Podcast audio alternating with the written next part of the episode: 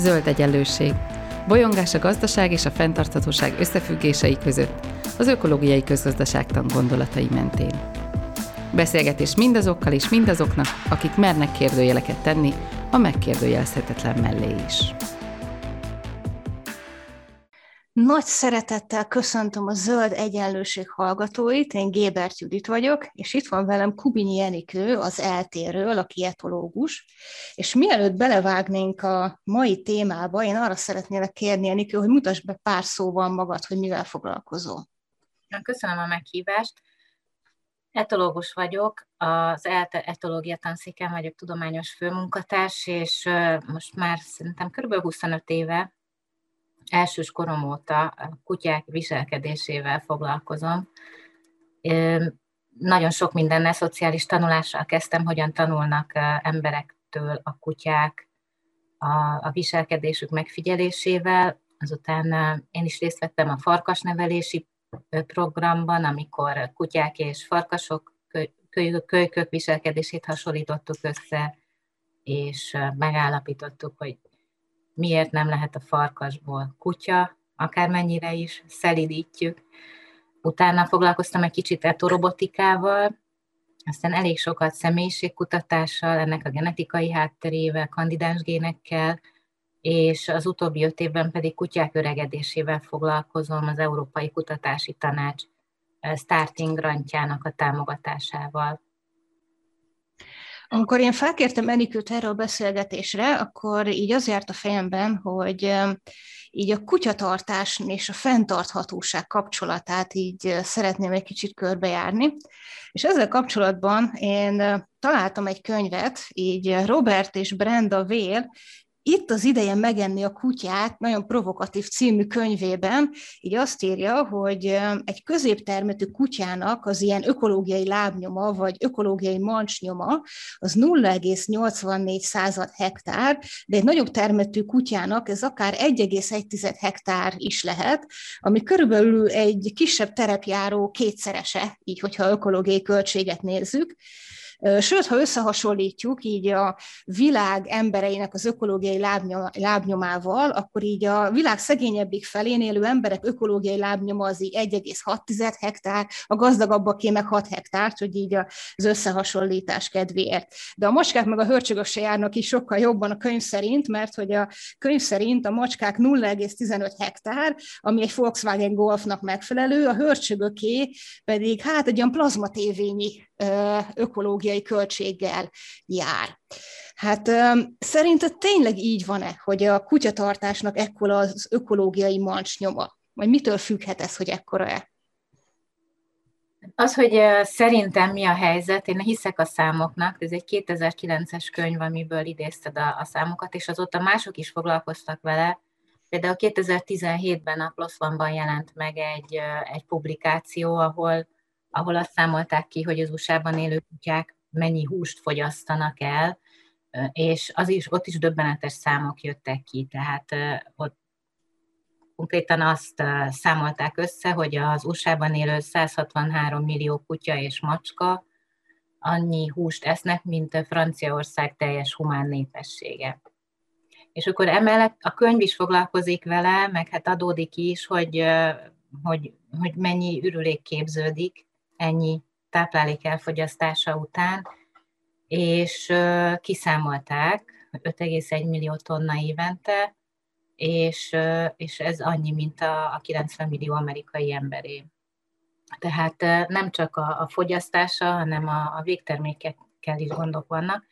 Nekünk van egy jó kis csoportunk a, a Facebookon, kutyátológia csoport, ahol ezt a cikket meg is osztottam, a 2009-ben talán még nem létezett a csoport, amikor a könyv megjelent, úgyhogy arról nincsen benyomásom. De a, a, a Plus One cikknél meglepett, hogy, hogy mennyire nem, nem tudták befogadni a kutyatartók ezt az információt, ami, hogyha onnan nézzük, hogy mennyire érzelmi kérdés a, a, a kisállattartás, a kutya-macska tartás, akkor persze érthető. Tehát nyilván azok az emberek, akik tudatosak és szeretnének mindent megtenni, hogy a, az ökológiai lábnyomokat csökkentsék, az, az már igazán komoly kérdés, hogy ebbe bevonják-e mondjuk a saját szaporodásukat, és azt mondják, hogy nem lesz gyerekem, vagy pedig azt mondják, hogy van érzelmi igényem egy, egy kutya tartására, de mégsem fogok kutyát tartani, mert ez egy ragadozó állat, húst teszik, és hát pontosan ilyen döbbenetesen nagy ökológiai lábnyoma van, mint amit említettél.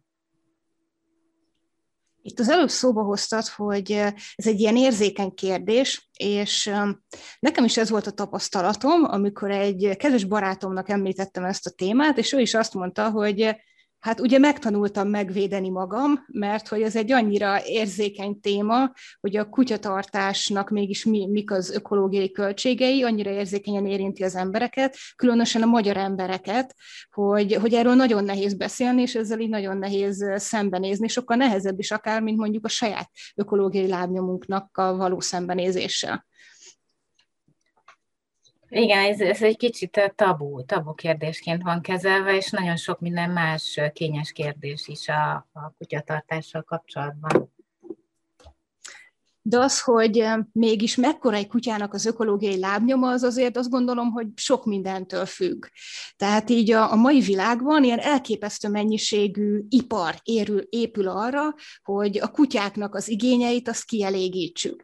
És óriási mennyiségű, nem is tudom, különböző típusú táplálék, különböző játékok, tehát egészen hosszú sorok a plázákban, tehát hogy ez ilyen, ilyen nagyon nagy ipari ág, hogy, hogy a, a kutyák igényeit, tehát hogy erre mind szükségünk van, vagy ez így lehet ezt így egy kicsit ilyen ökotudatosabban, vagy így, így fenntarthatóbban kezelni. Hát igen, én a, a, a, ezzel kezdtem, hogy milyen régóta kutyázom, milyen, ez, ebből kiderült az is, hogy, hogy, menny, hogy körbe mennyi idős lettek.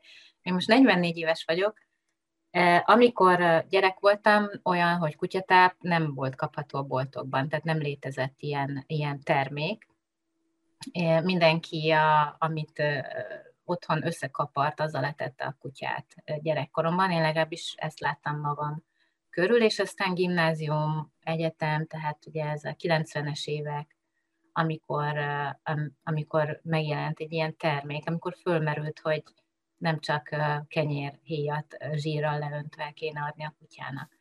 Tehát óriási, a saját életem alatt látok egy óriási változást, úgyhogy nincsen, egy kutató nem mond neked olyat, hogy jó-e vagy nem jó. A jelenség az létezik, amit láttam a saját szememmel Magyarországon, az az, hogy a nulláról fölfutottunk. Például kutyatápok elérhetőségében a, nem tudom, 300-ra, és, és ezek, ezek óriási változások. A kutyákat közben nem kérdezték túl sokan, tehát egy kutya nem, nem fogja azt mondani, hogy ő neki szüksége van erre sokféle tápválasztékra és játékra és a többire.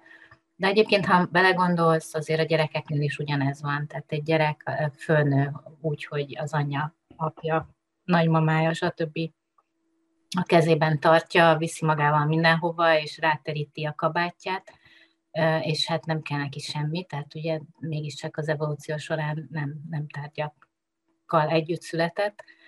Most meg erre is döbbentes iparág épül, tehát te, teljesen nyilvánvaló, hogy a, a, a termékgyártás ki, kihasználja azt az érzelmi kötődést, ami van bennünk a, az állatok, gyerekek, és folytathatnánk, hogy még mi minden felé van-e ebbe szerinted ilyen kulturális különbség így a világ különböző tájain, hogy hogyan viszonyulunk a kutyákhoz, vagy az itt csak Magyarországon ennyire érzékeny kérdés, vagy világ más országaiban mi a helyzet? Persze, ez egy óriási, óriási különbségek vannak, amit, amit a saját életemről meséltem, ott is látszik, hogy onnantól kezdve, hogy elindultunk a, a, a gyerekkoromban látott, főleg láncos kutyatartás felől, odáig, hogy most kis esőkabát nélkül ki sem megyünk, ugye rá, rá kell kutyára, meg, meg világítós nyakörv, és, és a többi.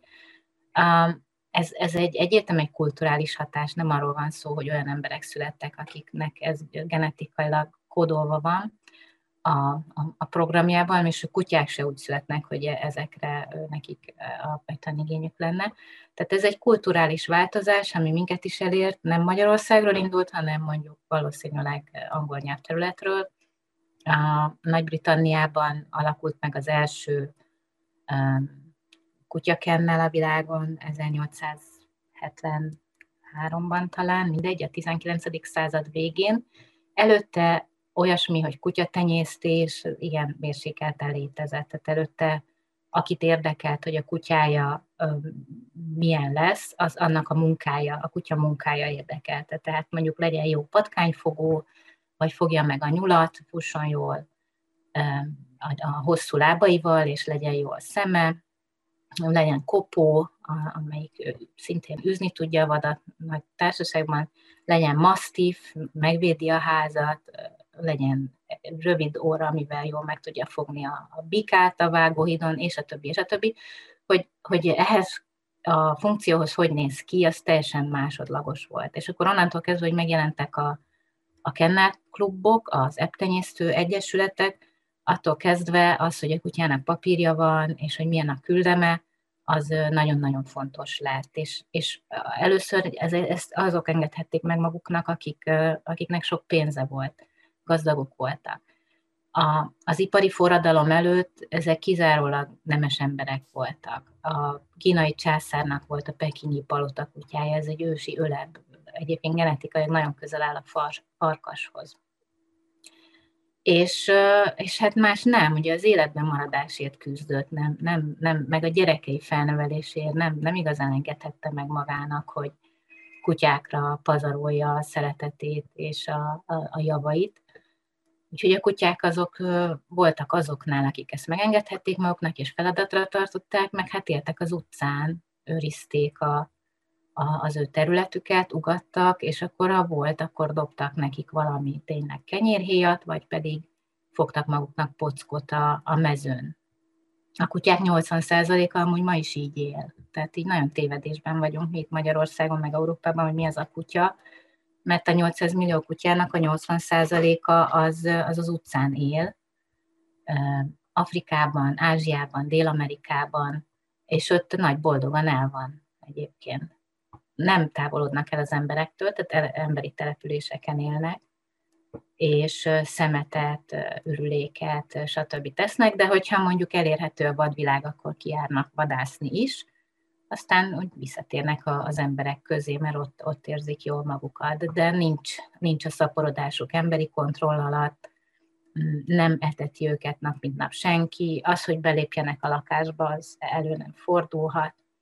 Úgyhogy sok kutya megőrizte az ősi formáját, és az egy, az egy 100-120 éves trend, hogy, hogy beléphetnek a lakásunkba, az ágyunkba, és korábban ez, ez, ez nem fordulhatott elő. Azt gondolom, hogy főleg az ipari forradalom tette ezt lehetővé, hogy egyre több embernek lett annyi pénze és szabad ideje, hogy ez legyen a hobbija, és, és, és ez a mi vidékünkön történt csak meg. Tehát amelyik kultúrában a kutya tisztátalan, tisztátalan állatnak számít, ott sokkal lassabb lesz a térhódítása is de hát mivel azért eléggé globalizálódó világban élünk, ezt be, belátható, hogy mondjuk e, az amerikai filmek azok mindenhová közvetítik, hogy a kutya az cuki, és szeretni kell, ezért Kínában is most már nagyon nő a kutyatartók száma, és hát a világnak azokon a részein is, ahol ezt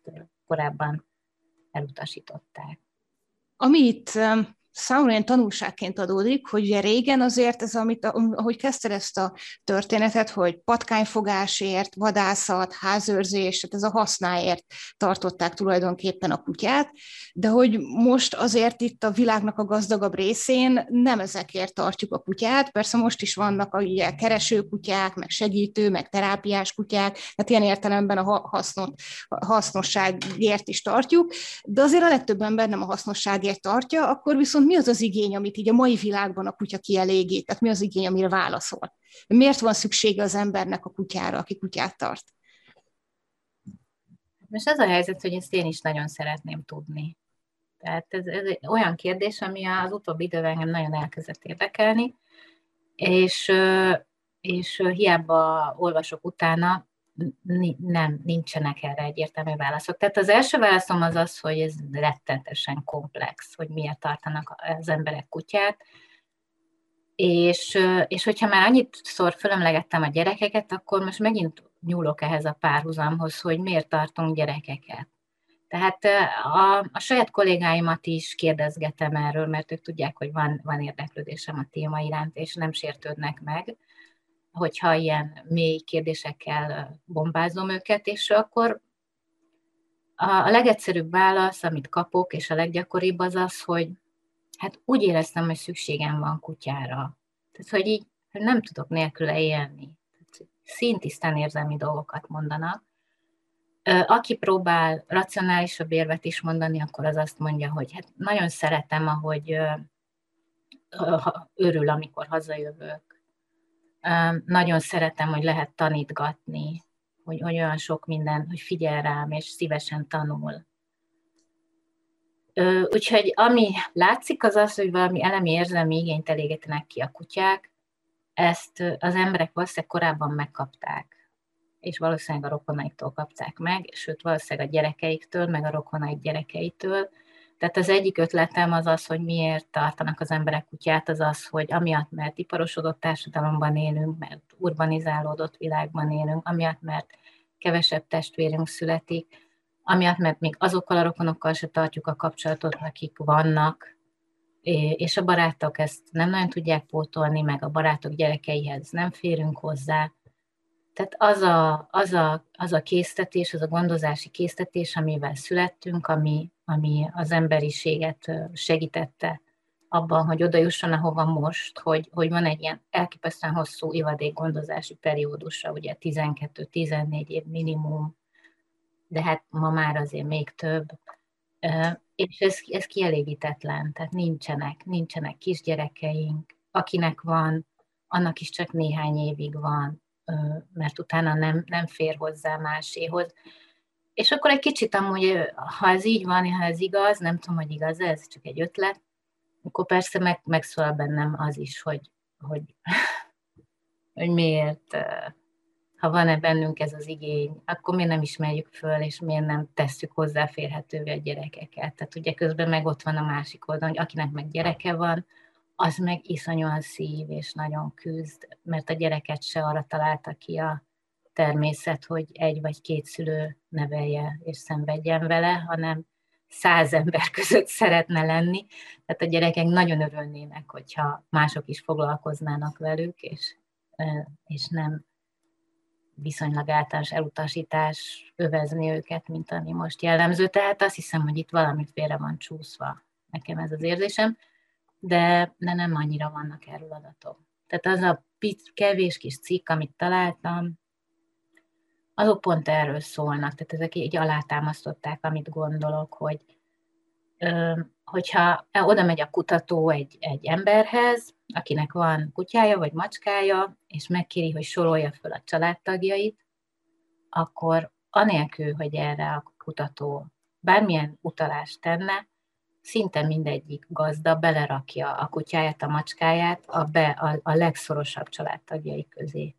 Anyám, apám, testvérem, gyerekem és a kutyám a fér, és a férjem. Tehát, hogy így ez a, ez a család. Be, belép, beléptek a, a családtagok közé a kutyák, és akiknek amúgy van gyereke, azok, azoknál is. Tehát, hogy valószínűleg. És van, van olyan is, egy amerikai felmérés szülőknél. Több mint 30%-a a szülőknek azt mondta, hogy a kedvenc gyereke a kutyája. Úgyhogy, és van egy a majd saját, saját adatunk, azaz nem, nem vizsgáltuk ezt, úgyhogy nem ez volt a fő kérdésünk, csak mellékesen megkérdeztük, mert kíváncsiak voltunk, hogy mennyire antropomorfizálják a válaszadók a kutyáikat. Tehát egy mellékes kérdés volt az egyik kérdőívünkben, hogy, hogy, hogy mennyire fontos önnek a kutyája. És egytől ötig lehetett válaszolni, és az egy volt az, hogy, hogy semennyire, vagy nem is tudom pontosan mindjárt, mindjárt fölidézem, hogy mi volt az egy, de az ötös az az volt, hogy Ja nem, nem, igen. A kérdés az volt, mennyire ért egyet ezzel az állítással. A kutyám minden ö, embernél fontosabb számomra. Tehát ez volt az ötös, a kutyám minden embernél fontosabb számomra, és az egyes volt az, hogy egyáltalán nem értek vele egyet, és az ötös volt az, hogy teljes mértékben egyetértek vele. A hármas az, hogy igenis, nem is. És az emberek um, Magyarországon a 60%-uk négyes vagy ötös választ adott. Tehát azt mondta, hogy a kutyám minden embernél fontosabb nekem, simán bejelölte, vagy négyes vagy ötös szinten.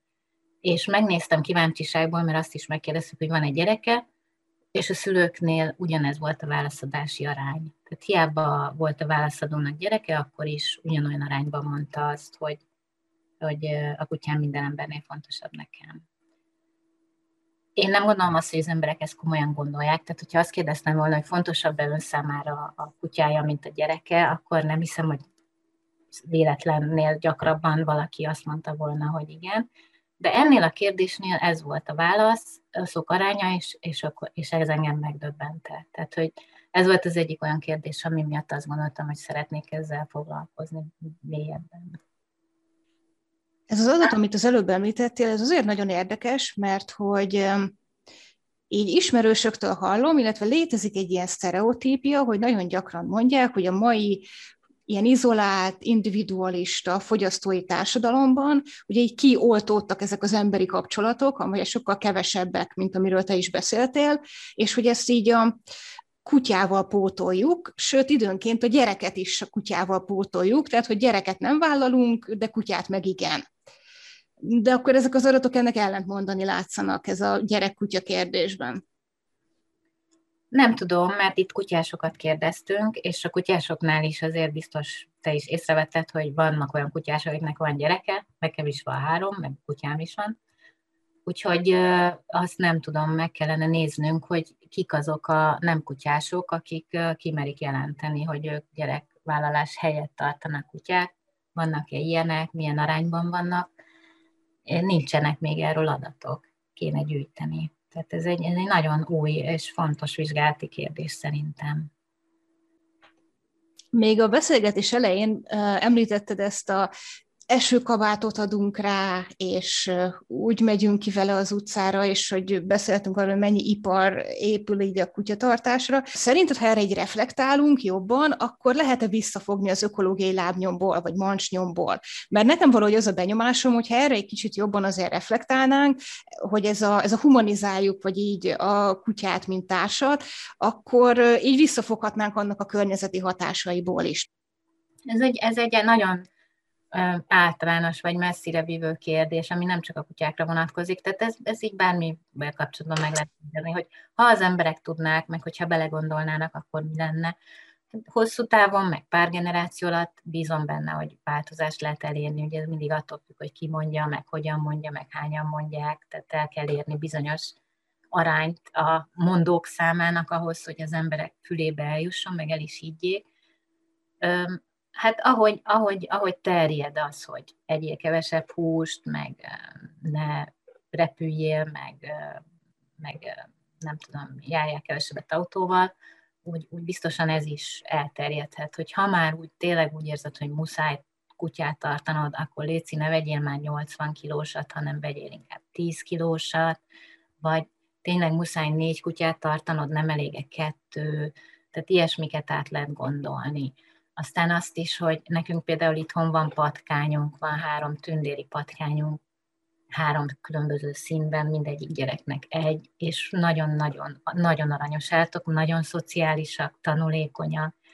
Például ezt is meg lehet fontolni, hogy biztos muszáj elkutyát tartanom, lehet, hogy nem lehetne, hogy beérem egy macskával, vagy nem lehetne, hogy beérem patkányjal, vagy Szóval, hogy igen, ezeket, ezeket jó átgondolni annak, aki, aki, aki, aki fontosnak tartja azt, hogy, hogy kicsi legyen az ökológiai Tehát persze ott vannak a másik oldalon azok az emberek, akik kijelentik, hogy úgyis mind meghalunk, szóval ezt nem lehet visszafordítani, akkor meg már teljesen mindegy, akkor már hadd csináljam, amit akarok. Úgyhogy ez, ez, oktatás, edukálás kérdése, és hogy hát igen, milyen, milyen arányokat tudsz elérni a, a meggyőzéssel. Szerintem azon, amivel nyitottál, hogy, hogy mekkora egy kutya lábnyoma, ökológ lábnyoma, azért nincsen semmi meglepő. Tehát ez annyira triviális, hogy egy húsevő állatnak nagyon nagy az ökológiai lábnyoma, hogy, hogy akit ez foglalkoztat, akkor az, ez nem nehéz elvinni az emberek tudatába, inkább az, hogy, hogy ezt, ezt, ezt távol tartják maguktól, mert hogy érzelmi igényük van arra, hogy ennek ellenére is tart, tartsanak kutyát. Túllépve azon, hogy a kutyáknak mekkora az ökológiai mancsnyoma, mert ahogy azt te is mondtad, hát valóban kicsit is foglalkozik ilyen témákkal, annak így eléggé ez így uh, triviális kérdésnek tűnhet, akkor így a, az érem másik oldalát, tehát hogy mi az, amit tanulhatunk a kutyáktól, és most így arra szeretnélek kérni, hogy te, mint etológus, így mit gondolsz arról, hogy mi az, amit így tanulunk tőlük? Mi nekem etológusnak a csodálatos faj a kutya, tehát a, mi annak idején azért kezdtünk el foglalkozni, ez a Csányi Vilmos ötlete volt, ő volt a témavezetőm PHD hallgató mert ő látni vélte a párhuzamot az emberi evolúció és a kutya evolúció között. Tehát ugye az ember, embereknek volt egy olyan korszaka, amikor nyelv nélkül kellett megérteniük egymást, és közösségként együttműködni, és a kutya ebben nagyon szuper. Tehát ugye egy rendkívül sikeres fajról beszélünk, 800 millió kutya él körülöttünk. Valószínűleg a biomasszája, az nem tudom, lehet, hogy a szarvasmarhái nagyobb, de valószínűleg az egyik legnagyobb biomasszával rendelkező emlős állat, de hát a, a hús a ragadozók közül egészen biztosan. Nagyon-nagyon sikeres. Európában él, nem tudom, 80, 80 millió körüli kutya, és, és akkor él pár tízezer farkas, azt hiszem összesen 23 ezer. És ugye a, a, a kutya a farkasok, az ősi farkasból alakult ki, tehát volt, volt 30 ezer évvel ezelőtt, amikor nulla farkas volt, és nem tudom hány millió, vagy nulla kutya volt, és sok-sok millió farkas, és mostanra meg ott, ott tartunk, hogy 800 millió kutya van, és, és pár, pár százezer farkas az egész világon tehát a saját ősét is sikeresen kiirtotta. Egyébként ugye ebben közreműködött, nyilván az ember lövi ki őket, meg állít csapdát, de a kutyában végig partner volt, tehát a, ezeknél a vadászatoknál az ember a kutyát használta, hogy a, hogy a, hogy a kutya kiírthassa a saját ősét ez is egy ilyen érdekes fordulat. Szóval egy, egy olyan sikeres fajról beszélünk, hogy pusztán uh, tudományos érdeklődésből azt vizsgálni, hogy miért lett ez a faj ilyen sikeres, és miért hódította meg a szívünket is, ez, ez, ez, ez egy nagyon-nagyon érdekes kérdés, és, ki, és ki, kifogyhatatlan. És akkor ott van, ez, ez, ez, ez a kutatóként a válaszom, tehát, hogy páratlanul jó dolog kutyával foglalkozni, és amitán ez Csányi Vilmos elkezdte, ezután vírusszerűen ez elterjedt a világon, úgyhogy most már nagyon sok kutatócsoport foglalkozik vele. Ez egy jó, jó dolog. A, a, a, az, hogy az embereknek miért jó kutyát tartani, ugye beszéltünk a, a, a kosztról, a, a költségről. Most, hagyj mondjak még egy számot, tízezer dollárra számolták ki egy kutyának a, a, a tartását az élete során az USA-ban tehát ugye ez nem tudom, 3 millió forint körülbelül. Tehát ha, ha, ha tartasz 10 kutyát életed során, akkor az már így egy, tényleg elég, elég komoly összeg.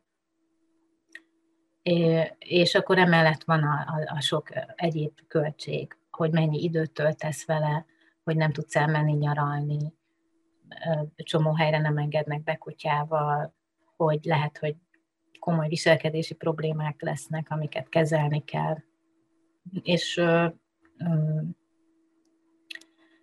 a, a, hát az, az, az, az emberek nem fognak ezzel törődni, de ugye az, az, beszélgettünk az ökológiai lábnyomról, de az is hozzátartozik, hogy, hogy, hogy a kutyák és a kutyasétáltatók is élőhelyeket tesznek tönkre, Ugye Magyarországon is vadat űznek, tehát sok tízezer kutyát lőnek ki a vadászok évente azért, mert vadkárt okoznak, de máshol, ahol, ahol az utcán szabadon élnek, az a 800 millió kutyának a 80%-a azok hát védett állatokat és védett állatok élőhelyét teszik tönkre. Úgyhogy van egy, van egy ilyen hatásuk is. Szóval nagyon sok költsége van a kutyatartásnak, a pénzbeli anyagi, stb. És hogy mi az előnye. A, na, az, ez nagyon érdekes, mert erről sok adat van. És, és ellenmondásosak ezek az eredmények. Tehát a, az emberek úgy vélik, hogy kutyát tartani szuper, és hogyha valakinek van egy problémája, mondjuk nem tudom, a, a gyerekének van tanulási nehézsége, akkor simán lehet, hogy valaki azt fogja mondani, hogy, hogy vegyél neki egy kutyát, mert akkor majd jobban tud fókuszálni, meg lesz, ami leköti. Vagy ha valakinek meghal a férje, akkor azt fogják neki mondani, hogy hát most akkor vegyél magadnak egy kutyát, és akkor majd nem leszel olyan magányos. És és, és hogyha meg, ja igen, meg hogy többet fogsz mozogni, ha a kutyád lesz, ugye, mert kell vinnet sétálni, hosszabb életed lesz, mert amiatt, mert simogatod őt, majd csökken a vérnyomásod, és, és elöntenek a szeretett hormonok, és akkor ez majd mind megnöveli az életet. És akkor jön a kutató, és akkor szerez egy nagy adatbázist, amiben van 4 millió ember, és benne van az is, hogy van az illetőknek kutyája, vagy nincsen, és, és kijön az, hogy egy nagy semmi. Tehát, hogy így semmi. A semmi a hatása nincs a kutyának, nem mozog többet, akinek kutyája van, nem kevésbé kövér, akinek kutyája van, sőt, van, vannak olyan adatsorok, ahol inkább kövérebbek a kutyatartók, nem, nem lesz semmi a vérnyomásával, nem élnek hosszabb ideig, tehát így nagy, nagy adat nagy elemszámú vizsgálatoknál semmi nem szokott kijönni a, a, a kutyatartás hatására, a macskáknál meg inkább negatív dolgok szoktak kijönni. Ez nagyon érdekes, hogy, hogy, ott, ott még, még több negatívum is van. Uh, ugyanakkor tényleg vannak olyan korrektül elvégzett tudományos vizsgálatok, amik kimutatják, hogy van a kutyának jó hatása de ezek speciális csoportok. Tehát például idős, magányos emberek. Nekik tényleg a, a nagyon mélyről fölhozza őket a kutya egy olyan szintre, hogy tényleg kimennek a házból, találkoznak más emberekkel, beszélgetnek más emberekkel, és rájuk jó, jobb hatással van. Tehát ki lehet mutatni, hogy ők kevésbé magányosak, mint akinek nincsen kutyája. Aztán vannak a gyerekekről is van egy pár, bár ott már kérdéses, hogy mennyire korrektek az összehasonlítások, mert ugye nagyon sok más faktor is befolyásol ja, azt, hogy tehát például beszélgettünk a kulturális hatásokról, a fehér, Amerikában sokféle bőrszínű ember él, és a, egyértelmű, hogy a fehér emberek tartanak gyakrabban kutyát. És, és akkor amikor kijön, hogy, hogy van egy nagy elemszámú mintád, és, és a kutyatartók mondjuk a, egészségesebbek, akkor, akkor ha nem kontrollálsz a bőrszínre, vagy az, hogy milyen uh, csoporthoz, etnikai csoporthoz tartozónak mondták magukat a, a válaszadók, akkor egyszerűen azt fogod kimérni, hogy a fehér emberek egészségesebbek, mint a feketék. És, és ez csak egy egyszerű, triviális különbség, de ezen kívül is van még más, mert a fehérek minden mutatóban, minden szoció ökonomiai mutatóban jobbak, mint a feketék, és, ez, ez, és ők történetesen jobban szeretnek kutyát tartani, mint a feketék. Vagy, vagy, vagy, vagy mint az ázsiaiak. Az ázsiaiaknál is sokkal ritkább a kutyatartás Amerikán belül. Úgyhogy ezek nagyon összetett hatások, és és ez sincsen rendesen szétszázva. Erről is nagyon keveset tudunk, hogy, hogy az emberek azt állítják, hogy jó nekik a kutya, és nincsenek longitudinális vizsgálatok, amik azt mondanák, hogy, hogy XY lemértem, hogy hogy érezte magát, mielőtt kutyája lett, és aztán lemértem, miután kutyája lett, és óriási különbséget látok. Nincs ilyen vizsgálat. Uh, autistáknál van például olyan, hogy megnézték hogy, és nincs publikálva, csak hallottam egy kutatótól, nem publikáltam még le, hogy uh, ugye van, van autista segítőkutya, és uh, teljesen uh, mindenki azt gondolná, hogy hú, de sokat segít a gyereknek, hogy van egy ilyen kutyája, és kiderült, hogy segít a kutya, de nem a gyereknek, hanem az anyjának. A gyereknek úgy egy kicsit eléggé mindegy, hogy van-e kutyája, vagy nem, majd nem tudom hány autista képző, szer, kutya képző szervezet van Magyarországon, akik emiatt haragszanak rám, és biztos van olyan gyerek, akinek segít, de mégis ez ugye egy nagyobb, több, több gyereken végzett kutatás. Tehát az anya az, aki, akinek segít az, hogy, hogy néha kimehet a házból a kutya miatt, mert sétáltatni kell vele, hogy van egy fantasztikusan jól képzett kutyája, mert ugye ezt szervezetektől kapják, akik másfél-két éven keresztül képezik a kutyát. Tehát van egy szép és okos kutyája, akivel végre elmehet otthonról, és játszhat vele a parkban, és találkozhat más emberekkel, és egy picit lerakhatja azt a terhet, hogy, hogy, hogy autista gyereket kell nevelnie. Tök jó, hogy van autista kutya, autista, autizmus segítő kutya az anyák számára. És hogyha így elkezdünk mélyírásni az adatoknál, akkor mindig kiderülnek ilyen túlpisságok, hogy ha van is kedvező hatás, akkor nem, nem, ott, nem ott van, ahol várjuk. De legtöbbször meg így. ha mérlegre tennénk a költségeket, meg a hasznot, nem biztos, hogy megtalálnánk a, a kedvező hatásokat, és sok mindennel nehéz mit tenni. Tehát az a válasz, amit például az egyetemen kapok a kollégámtól, amikor azt mondja, hogy úgy éreztem, hogy muszáj kutyát tartanom, és hogy nem tudnék tőle megválni, ezt így nem tudom pontosan, hogy hogy kell mérni. Tehát, hogy ez miről szól? Mi, mi, az, a, mi az a kutatási kérdés, amit ezzel kapcsolatban föl kell tennem, és amit számosítani tudok, és össze tudok hasonlítani emberek között. Hát ez nagyon érdekes volt, amit elmondtál, és így közben hallgattalak, így úgy éreztem magam, hogy az ilyen mind a pozitív, mind a negatív előítéleteim, azok dőlnek is sorra rombai kutyákkal és a társadalommal kapcsolatban. Nemrég volt itt a Zöld Egyenlőségen egy ökopszichológiával kapcsolatos természet és lelki egészség beszélgetés, és ott érintőlegesen beszéltünk arról, hogy az állatoknak a tartása, ilyen társállatként, az így a természethez való visszakapcsolódásunkat tudja segíteni hogy így elveszett az ilyen természetélményünk, úgyhogy városias környezetben lakunk, nem találkozunk zöld területekkel, nem, nem megyünk kirándulni, és az állattartás az ezt az érzést hozza vissza. És ezt elhiszed? Hát jó kérdés. így nyilván ez is olyan, amit nem lehet mérni, úgyhogy most kutatóként én is hátra lépek így egy, egyet, hogy, hogy ezzel nem nagyon tudok egyébként mit kezdeni. Te elhiszed, vagy számodra meggyőző? Nem, nekem egyáltalán nem meggyőző. Tehát amikor arról beszélünk, hogy az emberek gyerek pótléknak tartják a kutyát, akkor milyen természetről beszélünk? Meg amikor esőkabátot rakunk, és nyuszifület a kutyánkra, és fölengedjük a kanapére, és betakarjuk takaróval, akkor milyen természetről beszélünk? Tehát ez, ez egyáltalán nem a természet szeretetéről szól. És hogyha egy illető szeretné, egy kutyatartó szeretné a természetet, akkor nyilván látnánk azt, hogy gyakrabban megy el kirándulni, vagy több növényt tart a lakásában, vagy jobban ismeri a, a, a fafajok nevét.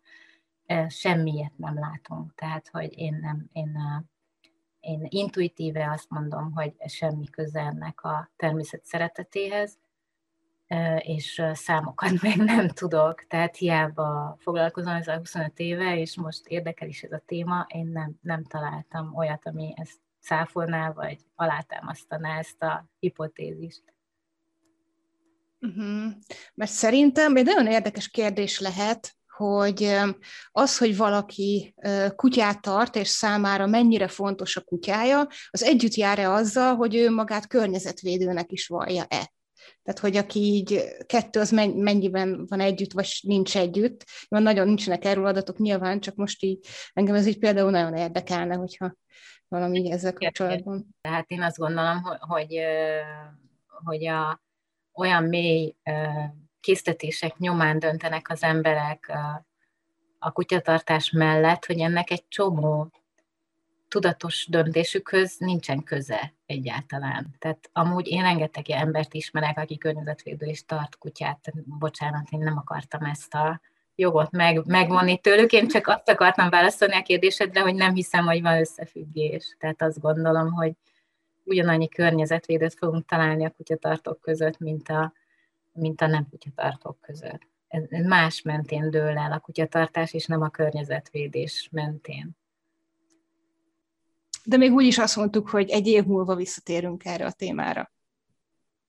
Igen, és akkor hát, ha lesz egy olyan adatsorom, amiben a, a, a tőled kapott kérdés is már benne lesz, és akkor meg tudom mondani, hogy mivel, mivel függ össze a környezetvédelem a kutyatartóknál.